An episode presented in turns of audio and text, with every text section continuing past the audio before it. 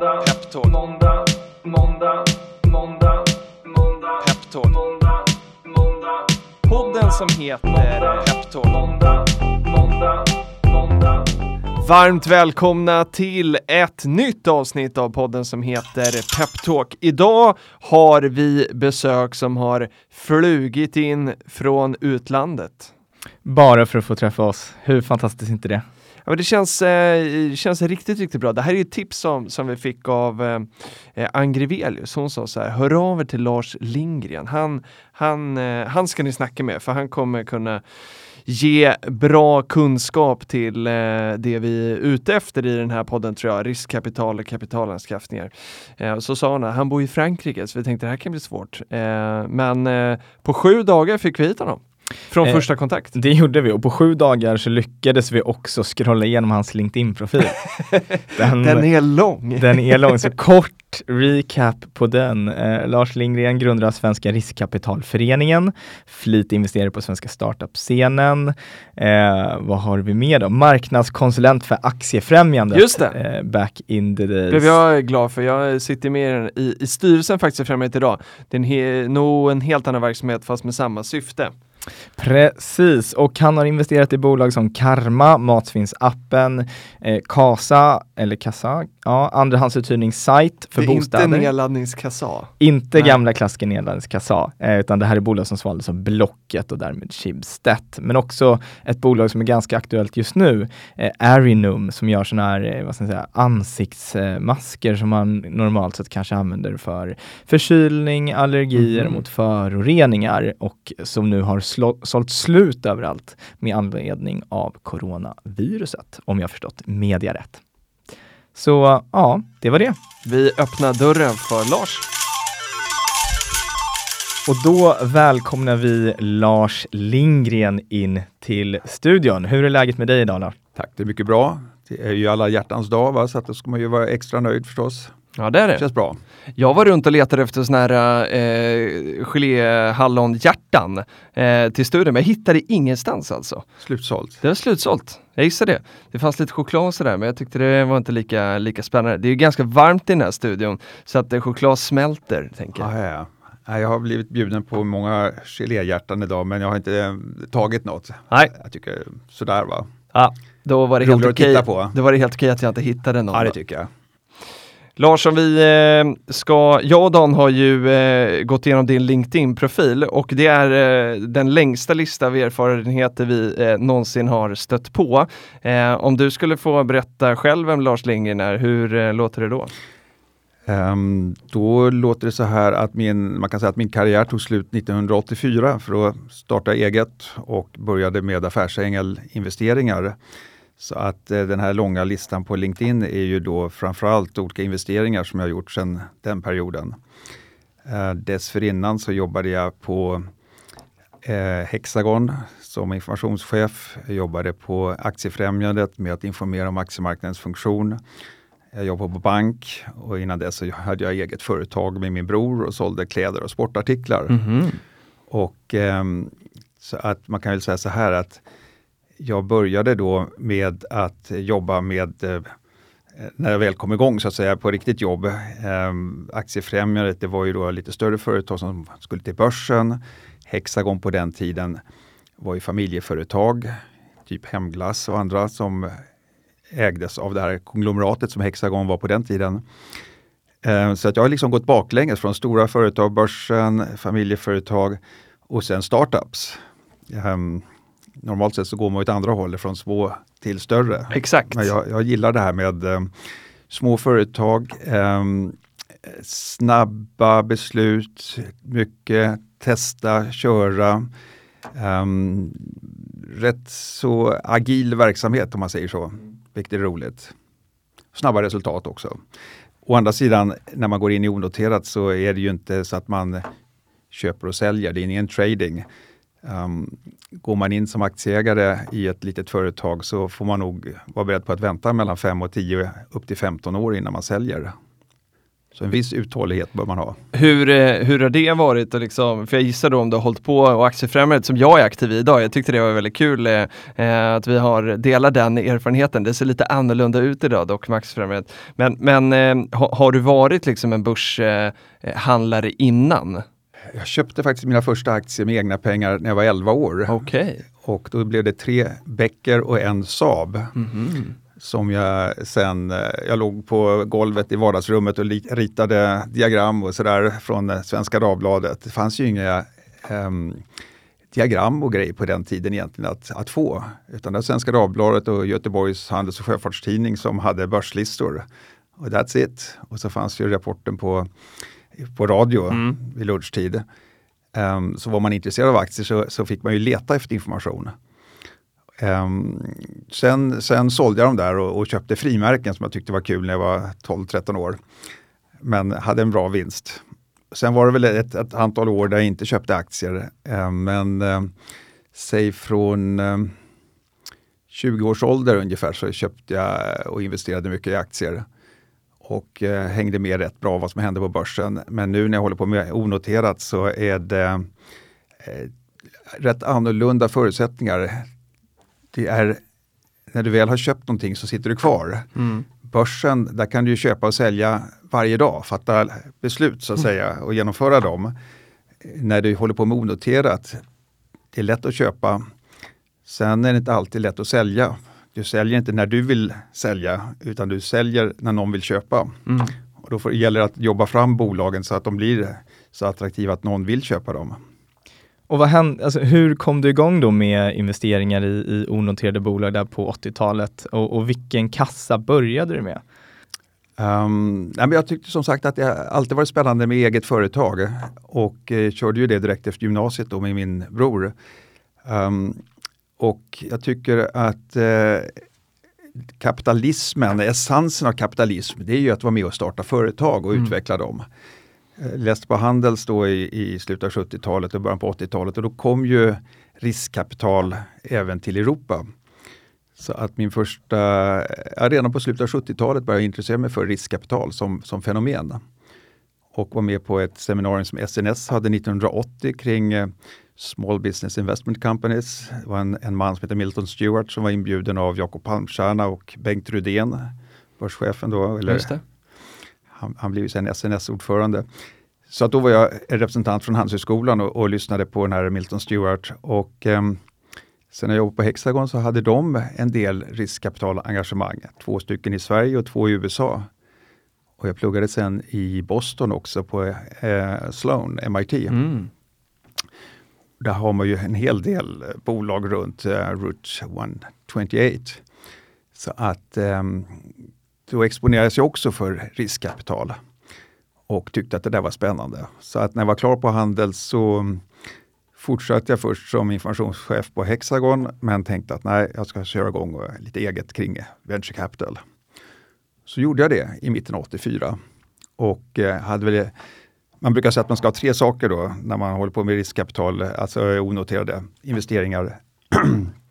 du ska ha kapital, du ska ha kunskaper och du ska ha kontaktnät. Och jag hade mm. ingenting av det här. så jag tänkte att då blir jag konsult. Och um, på den här tiden så fanns ju liksom ingen transparens. Vem gjorde vad? Vilka investeringar? Um, långt före internet det här. så att då, då startade jag ett nyhetsbrev riktat då till professionen om man säger så. Som eh, beskrev en gång i månaden vilka transaktioner som skedde, vilka nya investerare som kom fram och så vidare. Och eh, jag hade då kunder som var eh, ja, investmentbanker, advokatbyråer, revisionsbyråer eh, och de få venturebolagen som fanns. Men det var fysiska nyhetsbrev? Då? Fysiska mm. nyhetsbrev. Fyra sladdriga maskinskrivna sidor um, en gång i månaden, utom på sommaren som jag då tog 4800 plus moms för. Och, um, hur, hur var det priset då? Var det, uppfattades det, det, det dyrt eller billigt? Det två kvadratmeter på Östermalm kunde man få på, på den tiden för det. Okej. Okay. Så att det var ju rätt mycket pengar. Yeah. Jag kommer ihåg jag satte upp för mig själv då ett, en bild över Golden Gate Bridge. och 30 små rutor under. Och så kryssade jag för för varje ny kund jag fick. Mhm. Det var ju rätt bra kassaflöde för de betalar ju då ett års abonnemang i förskott. Mm. Så när jag hade 30 kunder, det var ju nästan 150 000 spänn, då åkte jag till Kalifornien. Så det gjorde jag då 84 och tittade på riskkapital. Och ehm, besökte många bolag där på Sand Hill Road i, i, eh, nära Stanford. Mm. Ehm, så då, då började jag få ett kontaktnät och började lära mig lite grann om det här.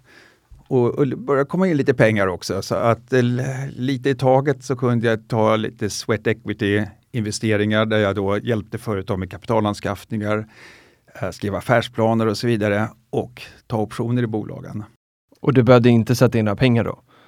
Ja, det blir ju så småningom pengar när, Mm. du, när du får optioner. Så Ja precis, ju men du behövde inte eh, upfront eh, skjuta till nå, något kapital, inget större kapital i alla fall? Nej, det, det hade jag ju inte. Nej, nej. Utan fick ju börja liksom från, Betalningen var jobbet, ja, kan Mm. man säga. svetten. Så att under 80-talet var det ju en hel del rätt lustiga projekt som, som eh, passerade förbi och som jag gick in i. Ehm, och en del lyckades och, och det mesta gick åt skogen. Hade du något särskilt fokus då på bolag som du, du uppvaktade eller var det bara de som vill ha hjälp, kom hit så kör vi? Ja, det var nog det sistnämnda. Var det något eh, särskilt som du, som du kände att du brann för? För att det kan ju, när man jobbar så generellt så kan det väl komma allt möjligt tänker jag. Ja, det kom ju allt möjligt. Ja. Det var verkligen allt möjligt. Var det någonting som var extra kul att jobba med, någon industri eller sektor eller så? Det, på den tiden fanns ju inte det här med appar eller programvaror eller B2B eller SAS-modell eller någonting som, som i princip alla bolag jobbar med idag. Vilken Eh, var dåtidens SAS? Eh, Ja, om du tar till exempel en av de första riskkapitalfirmorna i Sverige, eller fonderna. mm. Kan du gissa hur mycket kapital de tog in? Carnegie var delägare bland annat. Um, Hexagon var delägare. Okej, Kan du gissa hur mycket kapital de tog in, eget kapital för den verksamheten? nu, nu kommer man ju göra bort sig direkt, men jag, jag drar till med 100 miljoner. 8 miljoner. Åtta! Och så lånar de 8 miljoner. och Hexagon gick in med två, Carnegie med två, Probo, finansbolaget med två och så vidare. Mm. Och eh, deras mest framgångsrika investering, det var Råsjö torv, torvbrytning Mhm. för energiändamål, vilket i och för sig är lite hett nu. Men, Absolut. Ehm, så det, där, där ser du vilken typ av high-tech det var. Det fanns något som heter Svenskt tillväxtkapital också som kom igång runt 84-85. Mhm. Jag tror att de gjorde 13 investeringar under rätt kort tid. Allt gick åt skogen, alla 13. Mhm. Och Det var liksom verkstadsföretag och allt möjligt. Det fanns ju ingen OTC-marknad, det fanns ju ingen naturlig exit. Nej. Det var ju inte alls eh, lika vanligt med köp och försäljning av företag på den tiden. Nej, hur, är, hur är det idag då? Alltså är det mycket mer eh, utbrett idag? Idag finns det fler exitmöjligheter än börsen. Alltså om du tittar till exempel på ett företag som Microsoft, Mm. om du går tillbaks 10-15 år i tiden så köpte de aldrig bolag. De köpte kanske ett bolag om året globalt. Och nu köper de kanske ett i veckan eller, eller fler. Mm. Och det gör alla andra bolag också. Så att eh, de flesta storföretag ehm, har ju sin in- innovationsverksamhet genom att köpa embryon till bolag. Mm. Och man är också beredd att allt funkar kanske inte utan man köper en, en påse och så får man se vad det blir av det här. Och det gör ju att exitmöjligheterna är ju dramatiskt förändrade. Och, och genomloppshastigheten för startups är ju mycket, mycket snabbare.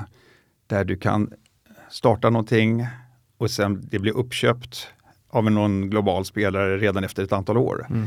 Medan förut var det ju nästan eviga innehav. Så att då var det ju utdelningar och, och kanske någon dröm om en börsnotering någon gång som, som hägrade. Mm. Så att förutsättningarna är ju helt annorlunda. Men så, du åker till, eh, du, du konsultar ihop via nyhetsbrev eh, lite pengar, du åker till eh, San Francisco, du har också pluggat på MIT då sedan tidigare. Eh, får se vad som händer på Sand Hill Road eh, och hur det börjar bubbla där, det är 80-tal och en del kända teknikbolag börjar ploppa upp och, och växa. Kommer tillbaka till, eh, till Sverige. Eh, förstår folk liksom och, och vad, vad, har du sett någonting där som du känner att det här måste vi i Sverige också bli bättre på att jobba med när det Ehm, kommer till riskkapital? Det, var ju, det fanns ju i princip ingenting. Och eh, för att då kunna skapa någon typ av kontaktforum mellan de människor som ändå höll på med riskkapital och tyckte det här var spännande, vilket kanske var då ett 50-tal människor. Mm. Så startade jag Svenska riskkapitalföreningen 85 och det var ju ett sätt att eh, folk, låta folk lära sig av varandra helt enkelt. Och eh, verksamheten bestod av månatliga lunchmöten. Mm. Där vi hade inbjudna talare. Den första var då Hexagons VD ah, som okay. jag hade bra kontakt med. Um, och vi hade mötena på Rish eller ovanför i Rish festvåning. Mm.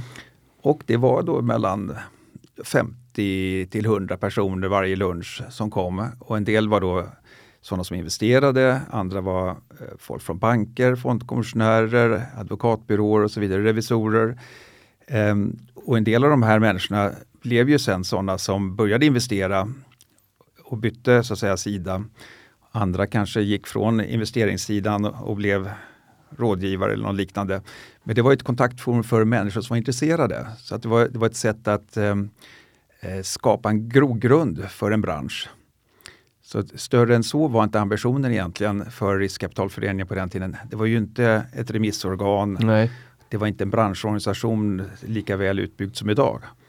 För att det inte fanns någon bransch helt enkelt? Ja, precis, precis. Så att jag var så kallad verkställande ledamot vilket gjorde, eller betydde att man gjorde allt jobbet. Mm. Eh, så hade vi en ordförande då eh, och en styrelse. Jag var verkställande ledamot i, i åtta år sammanlagt mm. och sen var ordförande ett par år på slutet. Mm.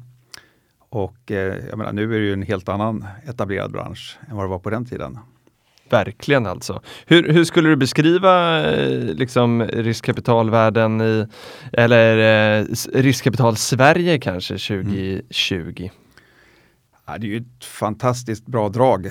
Um, och vi har ju nu flera generationer av både investerare och entreprenörer som har gjort det, eh, sålt av bolag, skapat nya bolag, kanske börjat investera samtidigt som de driver upp bolag finns ju en helt annan erfarenhet idag än vad det funnits någonsin tidigare och det är väl egentligen bara Storbritannien som ligger före Sverige i Europa okay. vad gäller erfarenhet. Mm. Jag bor ju i Frankrike sedan 25 år och eh, där har man kommit igång betydligt senare än Sverige. Sverige har ju gått igenom ett antal cykler där bolag har drivits upp då, eh, på, på hype-kurvan mm. och sen fallit ner och sen har man börjat om och så vidare. I Frankrike är allting fortfarande eh, på uppåtgående, vilket gör att eh, man kanske saknar den här erfarenheten som behövs av, av att det kan gå ner också. Så att värderingarna är faktiskt högre i Frankrike trots att erfarenheterna mm. inte finns ännu.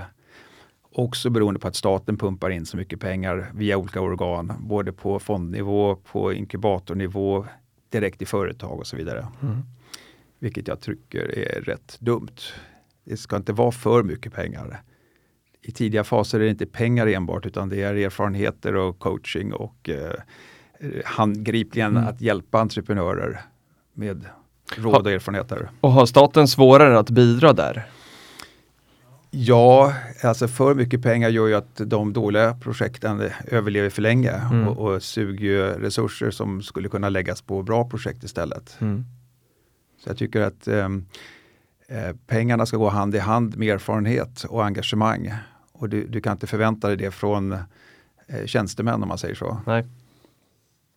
Hur skulle du säga att eh, alltså riskkapitalbolagens, vilka är deras liksom viktigaste bidrag till att skapa värde i näringslivet? Man får ju skilja på de olika faserna här. Jag jobbar ju då i, i SID-fasen upp till A-runda kan man säga. Sen har du ju helt andra... Berätta vad det betyder, för vi har haft gäster ibland så, så här, man snackar A och B-runder och sådär men Precis. ingen vet riktigt vad det är. Hur, hur, eh, hur definierar de, om vi bara börjar där? Du kan ju säga så här att man brukar ju säga att man har de här tre F då, Family, Friends and Fools. Mm. det är väl ofta där bolag startar, att man har sina egna pengar. Entreprenörerna, grundarna har sina egna pengar, några tusenlappar. Så tar man in kanske några släktingar och några vänner och, och några som är lättlurade och finansierar de första månaderna med. Mm. Sen kanske man går ut till affärsänglar och det, där kommer sådana som jag in och det är ju då sidrundor. Mm som tidigare då var kanske någon miljon eller några hundratusen och nu ofta ligger på kanske 3 till 5 miljoner då som en första extern runda. Mm. Och sen kan det bli ytterligare någon sidrunda innan en eventuell A-runda. och A och B och C och så vidare. Det är ju ett amerikanskt begrepp Mm. som bygger på att man hade olika preferensserier, preferensaktieemissioner då. Mm. Där de som kom in i A-rundan, de hade preferensaktier. Sen kommer nästa runda något år senare på mycket större belopp och då är det B-rundan. Då har de en preferens före A-aktieägarna. Å andra sidan har de betalt och mycket dyrare per aktie. Ja. Och sen kommer C-rundan och sen kommer D och så vidare. Och till slut vet ju inte um, entreprenörerna hur mycket de egentligen får vid en exit. Så Nej. det kan bli rätt komplexa grejer det här. Så det är en aktie, det grundar sig i aktieslag helt enkelt. Från början, Ja. begreppet A och B-rundor, absolut. Mm. Det har egentligen inte så mycket med storleken att göra utan mer villkoren och hur man ligger till vid en exit. Intressant. Det, jag har faktiskt inte hört den förklaringen förut. Jag tycker ofta att det, man pratar om eh, man pratar ofta liksom om summorna det är lätt att hamna där. Mm. Bra utbildning. Och summorna har ju drivits upp enormt. För att, ehm, en annan del av riskkapital det är ju buyout-sektorn som ju är egentligen att du är med och köper ut fungerande företag ofta då som har positivt kassaflöde så att du kan belåna verksamheten och, och har en relativt liten egen an, andel eget kapital. Ehm, och det är ett helt annat segment. Det är mycket större pengar och så vidare. Sen, och det har ju varit enormt framgångsrikt i framförallt Sverige då när näringslivet har ehm, fokuserat mer på kärnverksamheter som har skapat då stora möjligheter för duktiga buyout-specialister Mm. att bygga upp fantastiskt fina portföljer och sälja av. Ja, och då kommer vi tillbaka till liksom värdeskapande för att ibland kan det ju eh, slarvas lite och säga att liksom riskkapitalisterna är, är, är lite dumma, köper ett bolag och styckar dem och sådär. Men, men eh, är det här du upplever att värdeskapandet eh, sker? Ja, det, är, det är olika marknader som sagt. Säg att vi delar upp det grovt i tre delar. Du har seed-delen, du har expansionsdelen och du har buyout-delen. Och börjar vi bakifrån då, buyout-delen som då eh, i vissa fall kanske inte har alltid varit så jättebra för bolag eller de anställda. Där kanske då en eh, investerare bjuder högt och har mycket lånade pengar. Förut när ränteläget var högre så var man också tvungen att, att squeeza verksamheten för att betala av skulderna. Och till slut så sålde man till någon annan Mm. eh, risk eller en annat buyout-företag som i sin tur då har betalt ännu mer eh, med lånade pengar och måste squeeza ytterligare ett varv och då kanske man måste lägga ner produktion i Sverige och lägga den i Asien och så vidare trots att konkurrensläget inte kräver det utan det är bara att man har så rutten balansräkning. Eh, Så att man måste eh, trycka ut mer pengar för att betala skulderna. Mm. Och, och där har vi sett en hel del fallissemang som då eh, har skett både i Sverige och internationellt.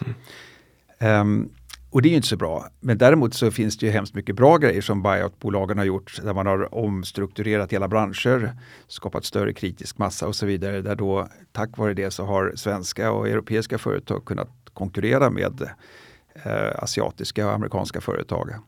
Och man har också varit med och skapat helt nya branscher tack vare att man då ligger i, i förgrunden och kan lägga rätt mycket på forskning och så vidare. Mm. Så att buyout-segmentet fyller ju sin funktion. Sen har det blivit lite tuffare nu för att det är hårdare konkurrens och då söker de sig tidigare till expansionsfasen och då är det kanske steget innan börsen. Det kan också vara börsbolag som man tycker är undervärderade som man köper ut eller går in och finansierar. Och eh, det trycker ju upp värderingen på bolag då som är onoterade men som har kommit en bit på väg. Och det i sin tur ökar ju intresset för ännu tidigare faser där affärsänglar är inne. Så att även de eh, drivs ju upp eh, värderingsmässigt. Så du är bolag- konkurrensutsatt nu? Ja, alla bolag är konkurrensutsatta eller alla typer av verksamheter. Eh, vilket jag tycker är bra för det sorterar ju fram eh, kvaliteten Ja. på ett bättre sätt. Hur, hur tuff är liksom konkurrensen på investerarsidan idag? Det känns ju som att ekosystemet som du säger blivit starkare och starkare och det finns mycket pengar i det. Ja, då, då fokuserar vi bara på de tidiga faserna här, för det är ju den marknaden kan bäst. Där är det ju eh, många som vill in. Samtidigt är det ju inte en perfekt marknad på något sätt, utan det är ju hemskt mycket eh, kontakter, man gillar varann, man, man eh, kanske kan någonting om en viss bransch och då är man extra värdefull för att investera i bolag och så vidare. Kommer du längre där är bolag som har kommit en bit på väg och har ett kassaflöde, eh, har eh, resurser att köpa in experter och så vidare, då kan ju även rent finansiella investerare gå in på ett helt annat sätt. Mm. De kan ju egentligen strunta i vilken bransch de går in i. De har, de har kompetens inom helt andra områden som de här bolagen behöver. Men just på eh, tidiga faser, då, då, kan du inte använda Eh, generella handgrepp på samma sätt utan då är det ju mer som ett hantverk. Och då är det en matchning mellan att försöka hitta bolag som passar respektive investerare och tvärtom.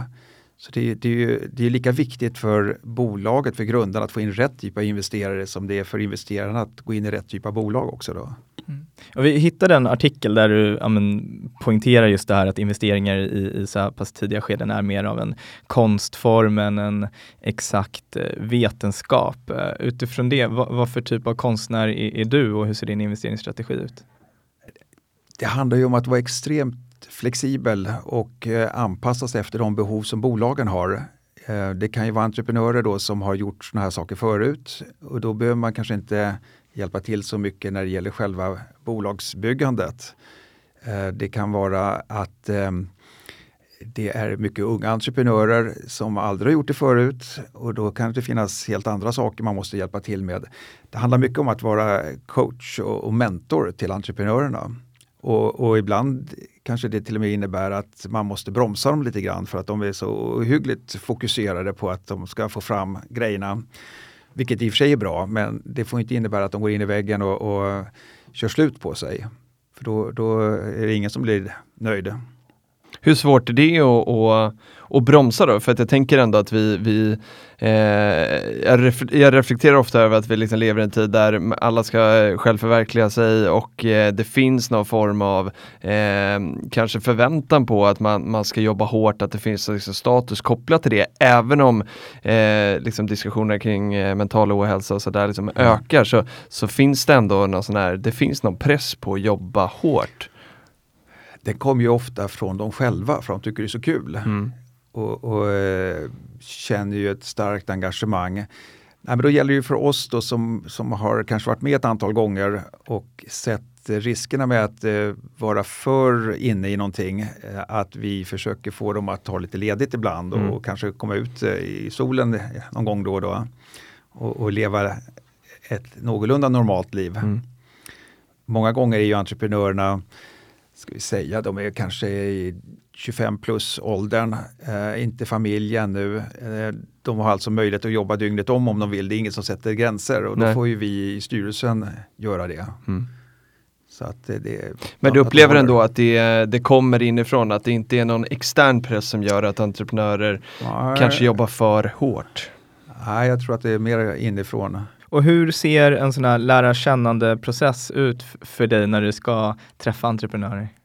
Ja, det är ju eh, en jättebra fråga. Ehm, helst skulle man ju då vilja lära känna dem under rätt lång tid. Och där, det är väl egentligen de eh, största misstagen jag gjort. Att man, man köper ju nästan alltid grisen i säcken, så är det ju. Man vet ju inte vad, vare sig hur entreprenörerna funkar i olika situationer, hur eh, produkten eller tjänsten kommer att tas emot, hur den funkar tekniskt och så vidare. Hur konkurrensbilden ser ut eh, globalt, för det är ju ofta bolag, även om de startar i Stockholm så, så efter rätt kort tid så har de en global marknad och global konkurrens. Mm. Så att jag brukar säga att man gör en live-DD, alltså en due diligence eh, undersökning. Det, det, det, gör man inte på den här Eh, den här typen av bolag. För det finns inget att undersöka utan du går in med lite pengar och så då har du anledning att engagera dig. Det är ju så att säga en, ett commitment du gör. Mm. Och då har du ju också ett alibi att snoka lite grann. Skulle du bara försöka köra en DD-process utan att ha, ha lag, lagt in pengar så kommer inte entreprenören att vilja spendera tid med dig. Men har du då lagt in några hundratusen eller, eller mer då, då sitter du i samma båt som entreprenörerna. Mm. Och, och, um, då är det naturligare att man lär sig mer. Och, eh, eh, nästan alltid, jag har ju gått in då i, över 70 bolag under de här åren, nästan alltid så är man ju jätteentusiastisk först och så går man in och investerar. Och sen när man lyfter på alla eh, tecken och så vidare så ser man grejer som, varför tittar jag inte på det här först? Och, Oj då, ja jäklar vad mycket jobb det här kommer att bli. Och sen så småningom så, så ser det bra ut igen, mm. oftast. Hur, eh, du som har erfarenhet då, eh, hur, av så många bolag inte minst, hur, hur svårt är det att inte bli operativ i sådana här case då? Eller är det meningen att du ska vara operativ när du lyfter ja, på stenar? Om det behövs. Ja. Um, och då är det ju framförallt sådana områden som entreprenörer inte har erfarenhet av. Mm. Och det kan gälla mycket kring fundraising, mm. det, det är hur sätter ihop en styrelse. Det kan vara frågor ja, till viss del att öppna dörrar förstås mm. och så vidare. Eh, jag är ju inte någon tekniker så att jag har inte mycket att bidra med när det gäller produktutveckling och så vidare. Eh, det kan vara eh, frågor kring rekrytering, hur man eh, motiverar eller incentiverar medarbetare och så vidare. Är det känsligare att bli operativ på sånt som entreprenören ska vara bäst på själv? Nej, det tycker jag inte. Utan det är ju, det är ju ett uh, samarbete. Mm. Men det är inte meningen att man ska ha, en långsiktigt operativ roll. Nej. Men när det behövs får man ju hoppa in. Mm. Ibland uh, Eh, när vi har varit tvungna att lyfta bort vd så har jag faktiskt själv hoppat in som vd i några fall. Just för att det är bolag som då inte har gått så bra. Det är därför man lyfter bort vdn. Mm. Och eh, då, om det inte går så bra så är det rätt svårt att rekrytera någon ny till sådant mm. bolag. Utan då får man försöka vända på det först och sen rekrytera någon ny. Men det är ju undantagsfall och eh, jag har ju som sagt förmånen då att inte eh, bo heltid här, vilket gör att jag kan inte vara operativ. Så det, det blir en non-issue. Jag kommer upp till Sverige varannan vecka ungefär och då, då är det ju mest eh, möten på två, tre timmar ja. man kan göra. Och av de här 70 bolagen som du har varit inne i, om eh, vi tittar på din portfölj idag, hur, eh, för att få innehållsdeklarationen lite sådär, hur, hur, ser den, hur ser den ut? Vi behöver inte rabbla alla bolag, men, men eh... efter mycket trial and error under dessa 36 år, eh, där det då har varit allt möjligt eh, i början, så har det då syntetiserats ner till en, eh, som i en tratt ungefär. Mm -hmm att nu är det i princip bara SaaS-bolag, mm. bara digitala tjänster riktade till företag. Eh, det är bara bolag med sitt säte i Stockholm. Mm. Och det är av praktiska skäl. Det finns jättemånga bolag säkert som är intressanta i andra delar av Sverige och Skandinavien och Europa och så vidare. Men, men är man inne i tidiga bolag så gäller det att kunna vara nära bolagen även fysiskt. Och mm. komma, komma upp till dem och sitta och snacka med dem. Mm det är inte liksom att man får hela bilden vid styrelsemöten utan det är just det här att man lever med bolagen och entreprenörerna och då gäller det att kunna vara nära dem. Och eh, just nu så har jag 17 bolag och det är i princip SAS-bolag eh, och eh, digitala tjänster allihop mm. i Stockholm. Sen så småningom så sprider de sig ut utanför Sverige och kanske då lägger sitt huvudkontor någon annanstans. Men de år som jag är mest engagerad i bolagen, då, då är det bättre att de finns i Stockholm. Och har du någon exit-strategi för de här eller väntar du som du sa innan på att någon ska komma och vilja köpa dem? Eh, I princip ja. Eh, det gäller ju att bygga bolagen så att de ser attraktiva ut och har en bra marknadsposition och så vidare. Men eh, normalt sett så kommer in andra investerare efter affärsängel ehm, investerarna. Mm. Och då blir det ju lite grann deras ansvar och då är det ju fonder som har en viss eh, policy att vi, vi kör fem år eller sju ja. år eller så vidare.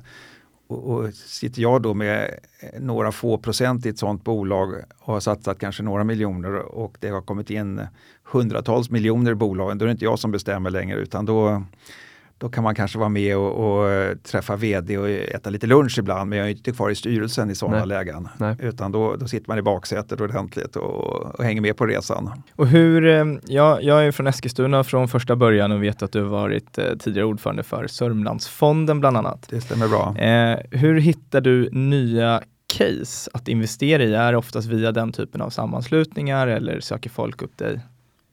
I eh, början så var det ju mera att jag var den som letade och hittade bolag och så vidare via kontakter och saker man läste och så vidare. Sen har det ju blivit mer och mer att eh, när nätverket har, har byggts ut och hela infrastrukturen i Sverige nu är rätt utvecklad så vet ju folk vilka som vill investera i vad. Så att mycket kommer ju via kontakter. Får jag en, en propå, vilket sker kanske ett par, tre gånger i veckan, att folk hör av sig via LinkedIn eller liknande och det är inte intressant för mig så försöker jag skicka dem vidare. Mm. Och då vet man ju ungefär vem som kan vara intresserad av den typen av bolag som jag inte är intresserad av. Ehm, men eh, sen är jag ju med i många affärsängelnätverk, till exempel i Propel knutet till Sting då, mm. som investerar i bolag som tas in i Stings acceleratorprogram och deras inkubator. Och då är man ju med indirekt i rätt många bolag så att den vägen är jag väl nu. Jag är med i alla de här Sting propellfonderna. Eh, så att jag, det är väl mellan 100 och 200 bolag indirekt som jag är med i då. Då kan man följa dem ett tag och sen investera, vilket jag har gjort i rätt många fall. Sen var jag med och startade något som heter DOS Venture Partners för fem år sedan och det är en, ett affärsängelnätverk för folk som har gått på Handels. Där vi då i första hand investerar i startups där någon av grundarna har gått på Handels. Och eh, det gör vi lite grann dels för att det är skoj och, och kul att vara tillsammans med gamla Handelsalumni eh, men också för att ge tillbaks i skolan och hjälpa entreprenörer. Och det har ju varit eh, hemskt lyckosamt också. Vi har gjort eh, 12 investeringar sedan 2015. Första var i Karma. Ah, okay. Där jag själv är med också som direktinvesterare. Um, och eh, alla bolagen ser bra ut och har gjort, gjort runder på högre nivå. Så att vi har väl eh, i vår lilla fond så har vi nästan fyrdubblat kapitalet på de här åren. Så att det har varit mycket framgångsrikt hittills. Det får man ju verkligen säga. Och hur, hur skapas liksom kassaflödet idag? Eh, är det liksom bara genom exits eller finns det delar av de här bolagen som också delar ut pengar? I princip är det ju bara exits. Mm. Eh, jag är ju inte konsult heller utan jag tar, eh, som jag brukar säga, jag, jag betalar ju mina egna pengar för att få jobba gratis med entreprenörernas problem. um, är det, det viktigt det, eller, eller hade du lika gärna kunnat säga att nej men jag, jag fakturerar för mina timmar? Det finns ju de som gör det men jag tycker att man, man skapar en otydlighet vad man egentligen bidrar med. Är man konsult eller är man investerare? Ja. Och det är klart att är det sådana som i första hand är konsulter så kanske de eh, inte har ja, de behöver kassaflödet helt enkelt för att leva. Ja. Och, och, då måste de göra på det här sättet och de kanske har jättebra kompetenser som bolagen har nytta av mm. och då, då fine. Eh, jag har inte velat att eh, blanda bort eh, identiteterna på det sättet utan jag kör bara investeringar och kassaflödet kommer ju bara via exit. Mm. Men om, om du skulle ge ett eh, råd till mig som, eh, som är beroende av kassaflöde från lön idag. Eh, om jag skulle vilja liksom sluta mitt jobb och eh, bara investera eh, i den här typen av bolag, eh, men skulle behöva ett kassaflöde, had, skulle din rekommendation vara till, till mig eller någon i samma situation då, att, att hitta någonting helt annat som skapar kassaflöde och som inte mixar ihop med investeringarna? Ja, det, är för sig, det är väl hemskt bra om du kan göra det. Mm. Det är inte så lätt och snyta fram det. Nej. Um, men, nej men det är väl att börja i liten skala. Det, det finns ju rätt många affärsängelnätverk mm. som sagt. Skulle du gå med i, i Propellfonden så är det om det är 300 eller 400 000 kronor man går med i, då är du indirekt delägare. Mm. Och så kan du ju alltså hjälpa flera av de bolagen på olika sätt och kanske just genom Sweat Equity komma in som eh, optionsinnehavare om du har något vettigt att bidra med. Eh, man kan också sätta sig i styrelser utan att vara aktieägare för att bara genom att komma utifrån så kan man ge en hel del input till företag och eh, ge andra perspektiv. Och kanske det också den vägen ha eh, möjlighet till option att köpa in sig i bolaget. Eller till och med att man får köpa aktier tidigt i bolagen till en mycket låg värdering men under förutsättning då att man också hjälper dem under ett antal år. Och mm. Slutar man eller blir utkickad för att man inte har varit tillräckligt eh, eh, värdefull, då får man lämna tillbaka aktierna. Det är ju ett rätt bra upplägg också. Det är ett bra upplägg.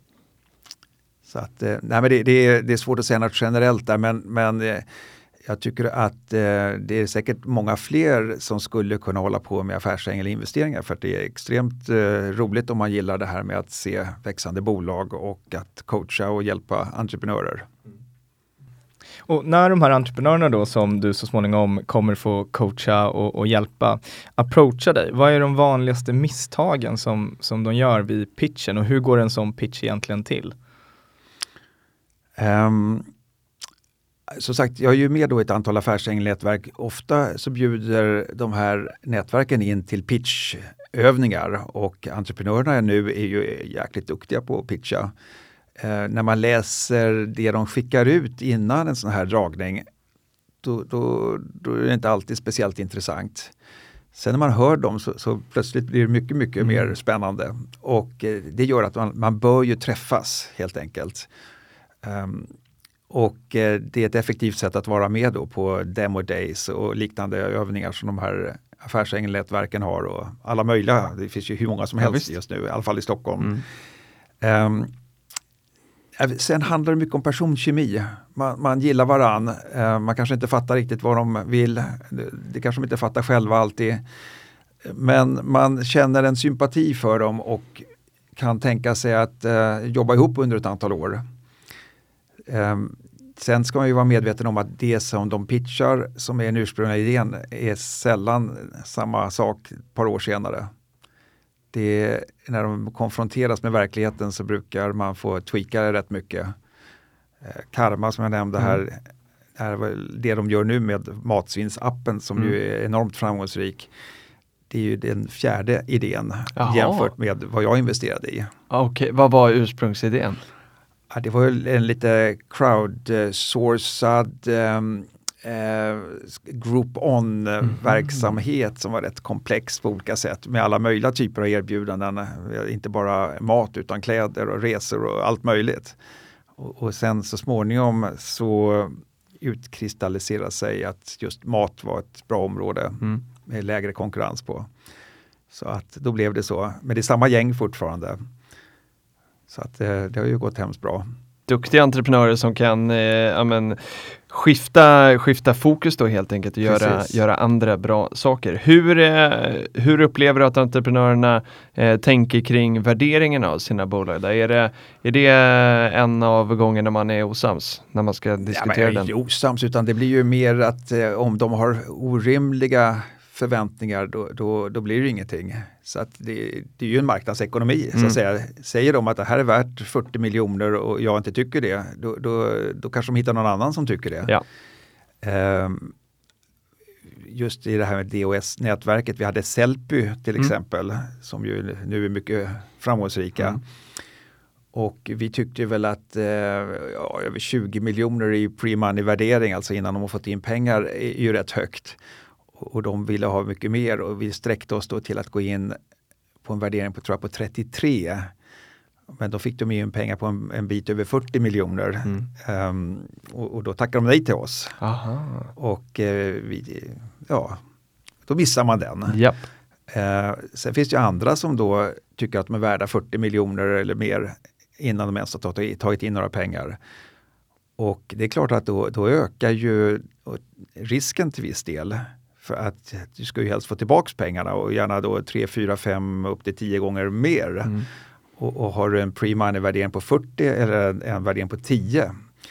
Det är svårare att, att köra 10 gånger pengarna på en, en dyrare investering mm. än på en billigare. Är det 10x som är målsättningen? Alltså en del har ju högre ambition än så, men då måste du ta en helt annan teknisk risk och vara beredd att stoppa in betydligt mycket mer pengar också. Tittar du till exempel på bolag inom bioteknik och liknande så är det ju mycket större eh, multiplar man pratar om. Mm. Men det är ju mycket, mycket högre risk också.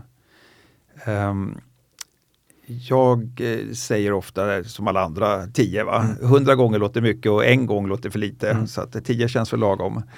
I realiteten, eh, om man nu ska avslöja det, så har det blivit drygt tre gånger pengarna under okay. de här 36 åren. Då. Mm i snitt. Och ungefär en tredjedel av bolagen har inte blivit något eller har bara gett tillbaka marginellt. Medan då resterande 70 procent har varit hygglig eller, eller bra eller mycket bra. Ja, då, eh, det får man väl vara nöjd med det facitet. Ja, men det spelar ju också att jag tar en, en mindre risk. Ja. Eftersom jag inte är tekniker så går jag inte in i, i, i uh, deep tech. Nej. Och, uh, utan det ska mer vara execution. Och det ska mer vara bolag där, även sån som jag skulle kunna hoppa in som vd ungefär tillfälligtvis. Mm. Så det får inte vara för avancerat. Um, och då, då är det ju större eh, sannolikhet att större andel av bolagen lyckas. I alla fall att de ger två, tre, fyra gånger pengarna. Mm. Och sen hoppas man att några ger eh, 10, 20 eller mer. Och sen är får man vara beredd på att några inte funkar. Om man tittar på eh, alla dina engagemang och, och, och vad du eh, pysslar med just nu, vad, vad skulle du säga att du är mest exalterad över? Det är ju lite grann som att om du har barn så, så eh, du tycker ju om alla dina barn lika mycket men det är klart att ibland känner man sig lite gladare att vara med något av dem och, och, och ibland är det lite konflikter med något annat och så vidare men det där skiftar ju nästan från dag till dag. Så att eh, jag, jag försöker ju träffa mina, mina eh, bolag när jag är uppe då eh, så många som möjligt. Och eftersom jag är uppe då varannan vecka en, en eh, tre, fyra dagar ungefär så hinner jag med att träffa kanske sju, åtta av bolagen varje gång. Och sen i övrigt så har jag kontakt via telefon och mejl och så vidare. Och eh, nej, men det skiftar. Jag, jag kan inte riktigt säga att just det här bolaget är kul för att eh, imorgon kanske något annat som är ännu roligare. Men idag på alla hjärtans dag då, vilket, eh, vilket har du tänkt på mest idag? Ja, Vi hade styrelsemöte i ett bolag på förmiddagen och sen hade jag lunch med ett annat nu Mm. innan. Så att eh, då tänker man ju på dem. Va? Ja, det är klart. Så att det är spännande. Och eh, vad är det som kittlar extra i magen utanför det här som vi kallar riskkapital då? Finns det, finns det någonting annat i, i ditt liv som du eh, tycker är extra roligt just nu? Alltså, om vi går tillbaks tre år i tiden. ehm, de här propellfonderna de startades ju 2014 och 15 och 16. Jag har varit med i varje. Och det, de har ju varit extremt duktiga på att sålla fram bolag. Mm. Så att eh, man, man blir delägare i en färdigtvättad bukett av blommor som eh, jag inte kanske hade kunnat träffa på egen hand annars. Mm. Ehm, och jag blev så entusiastisk då 2015, 16, 17 så att jag gick in i rätt många bolag.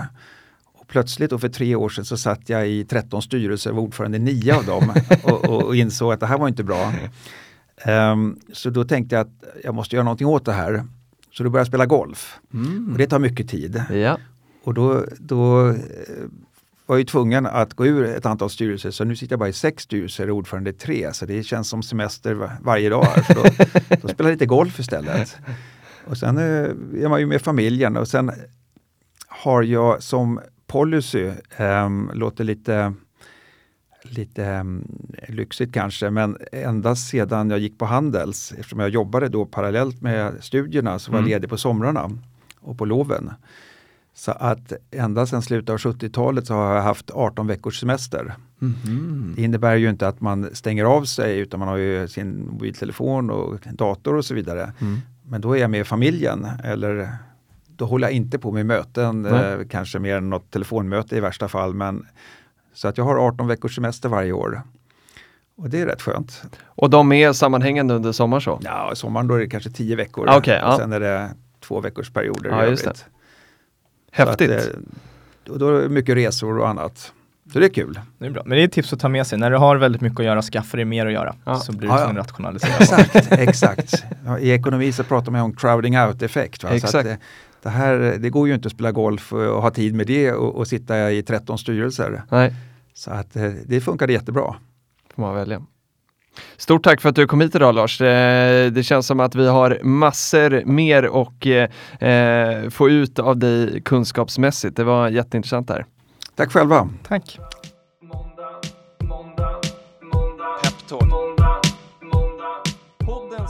Det fanns att prata med Lars om. Verkligen, det var en eh, outtömlig eh, tunna av kunskap och erfarenhet där. Ja, men kändes det inte verkligen som att så här, eh, jag tyckte han var så välformulerad i, i saker och ting och det kändes också som att så här, här är det inte bara tankar och idéer som talar, det är erfarenhet. Så är det och jag, eh, ja men det jag diggade med, med Lars här, det var Eh, känns som att han är en riktig entreprenör själv. Eh, han började med sina subscription Mm. service nyhetsbrev som han tog betalt för eh, och sen gick över till att då förenkla årsredovisningar. Ja. Eh, och sen så från det ena till det andra här landade med startup-investeringar. Ja men jag tycker att det är, eh, liksom, han är ju smart och, och det är eh, i den här artikeln som, eh, som fanns, eh, eller kom ut på det digitalt 2017, han säger där någonstans också att det här nyhetsbrevet var liksom det här ett alibi. Eh, och, eh, och, och när jag läste det så tänkte jag så här, det, det är lite som för oss. Den här podden är vårt alibi för att liksom ha en anledning att få träffa de här människorna eh, för att lära oss och lära alla lyssnare. Det var ett alibi tills du avslöjade oss Filip. Så glöm nu inte att följa oss på Instagram, det är där det händer. Peppins peptalk heter vi där. Vi finns också på mail för de som inte kör Instagram och då är det peptalk.peppins.com. Vart kan man höra den här podden? Man hör den i eh, alla poddkanaler som heter Soundcloud, Acast, Podcaster, Spotify med flera. Och podden produceras för Peppins och inget av innehållet ska ses som finansiell rådgivning. Investeringar i aktier är förenat med risk som innebär att man kan förlora delar eller hela det investerade kapitalet. Eh, och i det här avsnittet har vi inte snackat om några andra bolag än om de som Lars Lindgren har gått in i. Nej, och eh, äger inte i någon av dem. Nej, men hade man investerat i Lars Lindgren så hade man fått en väldigt diversifierad portfölj i alla fall. säga. Det är kul så här, men 17 bolag idag, eh, men sen genom de här fonderna så är det X till, eh, många fanns det där. Bra, tack för den här veckan. Ha en fin vecka, ciao! Podden som heter